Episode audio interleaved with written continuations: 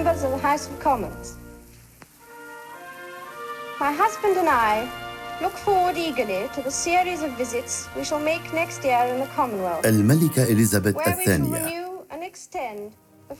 تم بث حفل التتويج في مايو أيار من العام 1953 ميلادي عبر التلفزيون رغم المعارضة الشديدة من قبل رئيس الوزراء وينستون تشرشل حيث تجمهر الملايين أمام شاشات التلفاز لأول مرة ليشاهدوا الملكة إليزابيث وهي تؤدي القسم الملكي.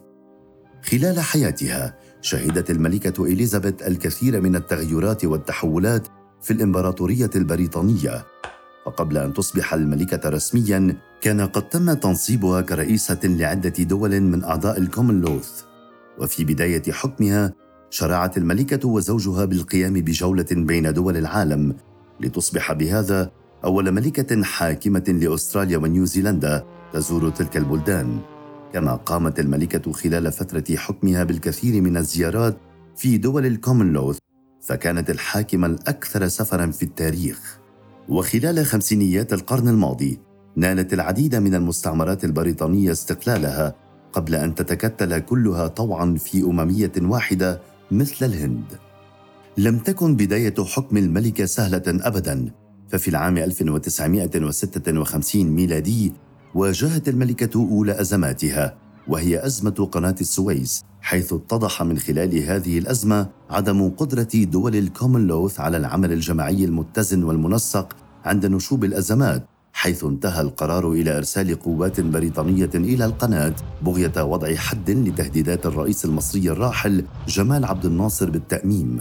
منيت القوات البريطانية هناك بالخسارة الفادحة وانسحبت من المنطقة وتبعتها استقالة رئيس الوزراء البريطاني آنذاك أنتوني إيدن. هذه الخسارة المدوية ألقت بظلالها على القصر الملكي وخاصة على الملكة ذات نفسها حيث أنها وجدت أن حزب المحافظين يفتقر لوجود آلية تساعده في انتخاب رئيس جديد للوزراء.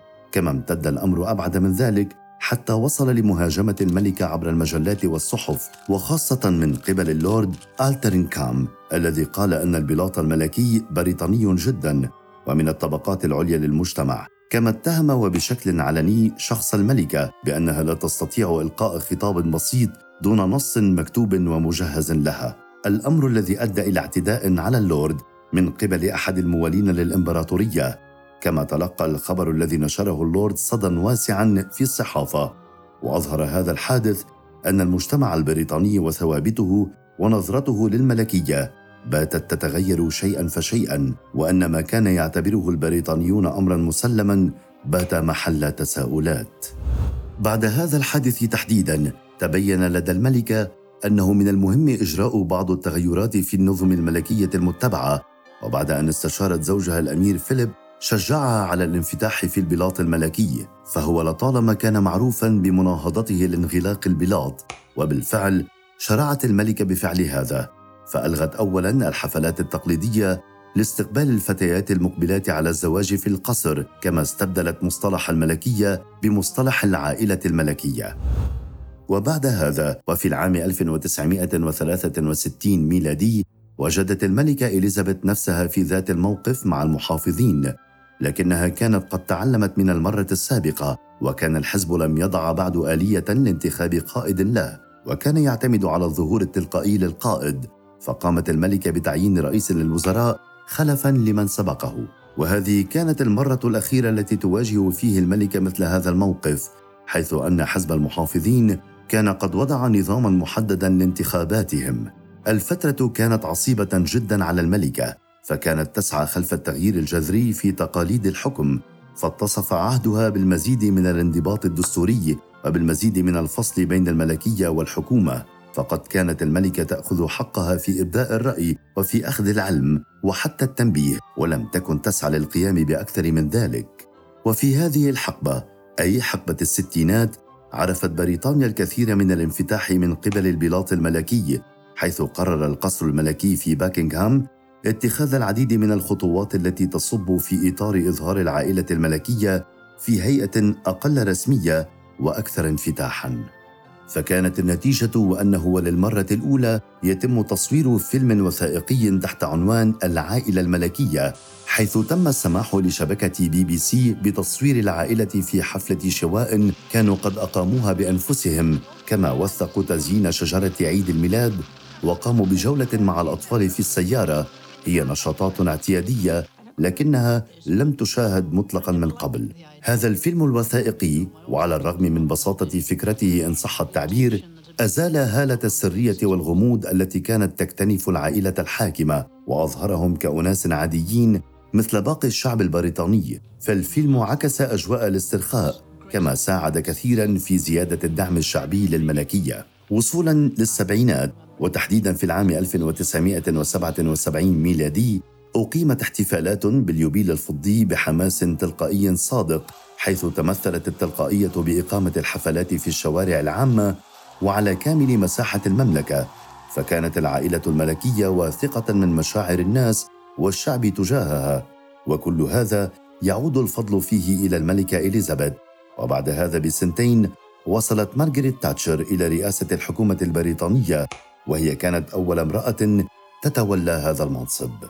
لطالما كانت الملكة على اطلاع بشؤون الكومنلوث التي ترأسه وكانت توليه اهتماما كبيرا كما أنها كانت على علاقة جيدة بالزعماء الأفارقة ومتعاطفة مع قضاياهم. ولم تكتفي الملكة بهذا بل عمدت إلى توطيد علاقاتها مع مختلف القوى في العالم. فبعد حرب الخليج الثانية عام 1991 ميلادي قامت الملكة بزيارة الولايات المتحدة الأمريكية. فكانت أول ملكة بريطانية تخاطب الكونغرس ومجلس الشيوخ الأمريكي حيث قال عنها الرئيس بوش بأن الملكة إليزابيث هي صديقة الحرية. بعد هذه الزيارة بعام واحد توالت الكوارث والمشادات في حياة الملكة فانفصل ابنها دوك يورك عن زوجته كما انتهى زواج ابنتها أن بالطلاق. وانتهت السنة بحريق ضخم في محل إقامتها المفضل وهو قصر ويندسور. ورأت الملكة أن الحريق هو نذير شؤم للعائلة.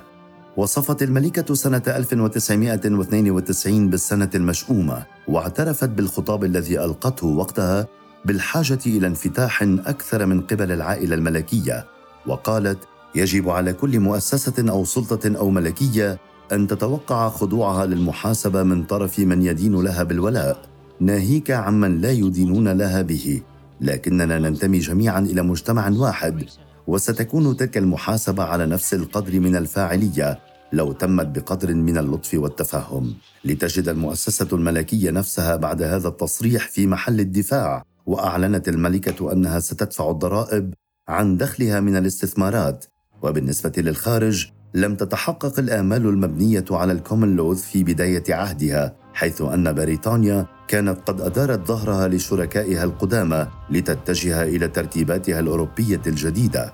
وفي العام 1997 ميلادي صدمة أخرى وجدت طريقها للملكه إليزابيث. الأميرة ديانا لقيت حتفها أثر حادث سير في باريس حيث تعرضت الملكة لانتقادات غير معتادة وبينما كانت الحشود الجماهيرية تتوافد إلى القصور وترمي بباقات الزهور بدت الملكة مترددة في توفير السند المعنوي للأمة والذي حرصت عليه دوما. لكن لم يفهم الكثيرون من منتقديها أنها تنفر من مظاهر الحداد الذي وصل لهستيريا جماعية إثر موت الأميرة كما أنها رأت أن تواسي حفيدتها في جو عائلي حميم هو الأفضل. ثم ظهرت على شاشات التلفزة حيث نعت الاميره ديانا وتعهدت بان الملكيه ستتاقلم مع الاوضاع الجديده in maintaining the North Atlantic Alliance and the other regional pacts to which they belong.